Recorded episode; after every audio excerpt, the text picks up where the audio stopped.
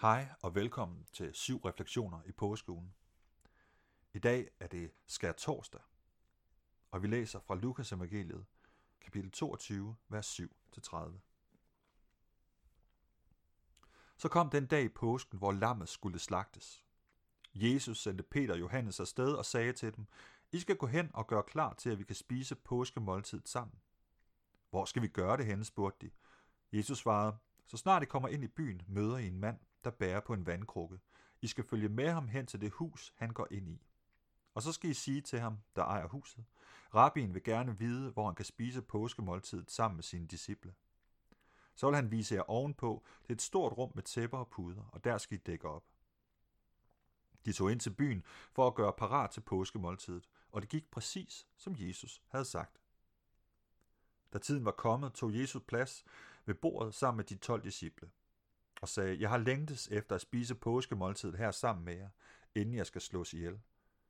I skal vide, at jeg ikke kommer til at spise et påskemåltid igen, før alting er opfyldt i Guds kongerige. Så tog Jesus et bæger med vin, takkede Gud og sagde, I skal tage bæret her og dele vinen mellem jer. Jeg kommer ikke til at drikke vin igen, før Guds kongerige er blevet til virkelighed. Han tog også et brød, takket for det, brækkede det over og gav det dem, gav dem et stykke hver. Det er min krop, der skal ofres for jeres skyld. I skal spise brødet, så I husker det, jeg har gjort. Efter de havde spist, tog han igen bæret og sagde, nu grundlægger Gud et nyt forhold til mennesker. Det sker gennem mit blod, ved at jeg dør for jeres skyld. Vinen her viser den nye aftale mellem Gud og mennesker. Nu skal I høre, den der forråder mig, sidder her og spiser sammen med mig. Jeg, menneskesønnen, skal dø, sådan som det er bestemt. Men stakkels ham, der forråder mig. Straks begyndte disciplen at diskutere, hvem det kunne være.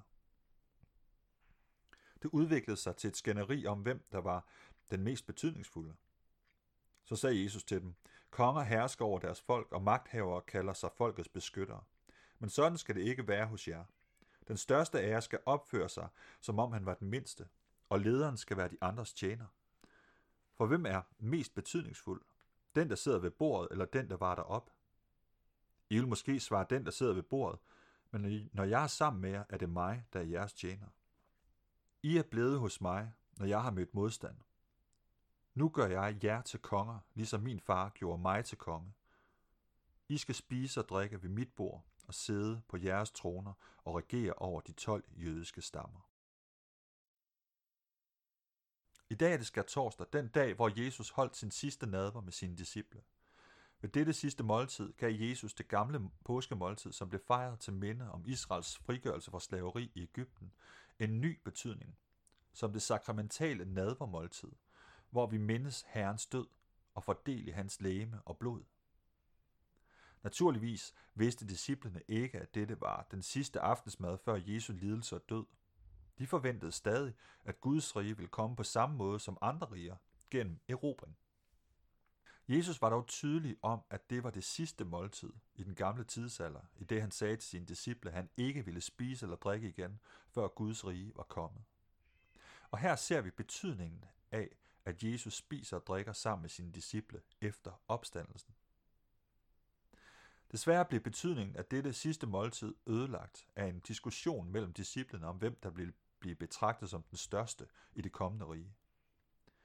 En sidste gang før sin død understreger Jesus igen over for sine sløve disciple, at det, der regnes som storhed i verdens imperier, ikke er det, der regnes som storhed i Guds rige. Cæsar og alle hans efterfølgere måler storhed ved magt. Magt til at dræbe, magt til at erobre, magt til kontrol. Men i Kristi rige måles storhed ved kærlighed, ydmyghed og tjeneste.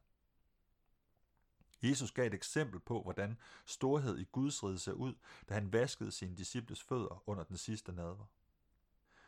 På trods af disciplenes manglende evne til fuldt ud at forstå, hvad han sagde og gjorde, så talte Jesus varmt om, hvordan de var blevet sammen med ham gennem hans prøvelser. Som et resultat heraf skal de spise og drikke ved hans bord i hans rige. Bemærk, at i Jesu rige er det centrale for det sakramentale skiftet fra templet til bordet. Endelig siger Jesus, at de vil sidde på 12 troner og dømme det genskabte Israel, der er kirken. Jeg tænker ofte på dette skriftsted, når jeg er i en kirke, der har statuer eller ikoner af de 12 disciple, siddende i ring i den indre kuppel og ser ned på menigheden. Med den forrang, som vi giver de apostoliske skrifter og den apostoliske praksis, så dømmer apostlene faktisk kirken. På denne skal torsdag håber jeg, at du vil være i stand til at modtage nadverens sakramente. Den måde, hvorpå vi tager del i Jesu Kristi læme og blod. For at forstå de fulde implikationer af nadverens sakramente er vi nødt til at huske, at Kristi læme er tre ting. Jesu kropslige læme, som blev korsfæstet og oprejst. Kristi læme, som er kirken, og Kristi læme, som det møder os i nadveren. Gennem nadverens sakramente er alle tre aspekter af Kristi læme mystisk forbundet. Vi tager del i Jesu læme og blod, så vi, kirken, kan være Jesu Kristi kød og blod i verden. Herre Jesus, når vi tager del i dit læmer og blod på denne hellige dag, må vi være dit kød og blods tilstedeværelse i verden, og må vores tilstedeværelse være præget af kærlighed, ydmyghed og tjeneste. Amen.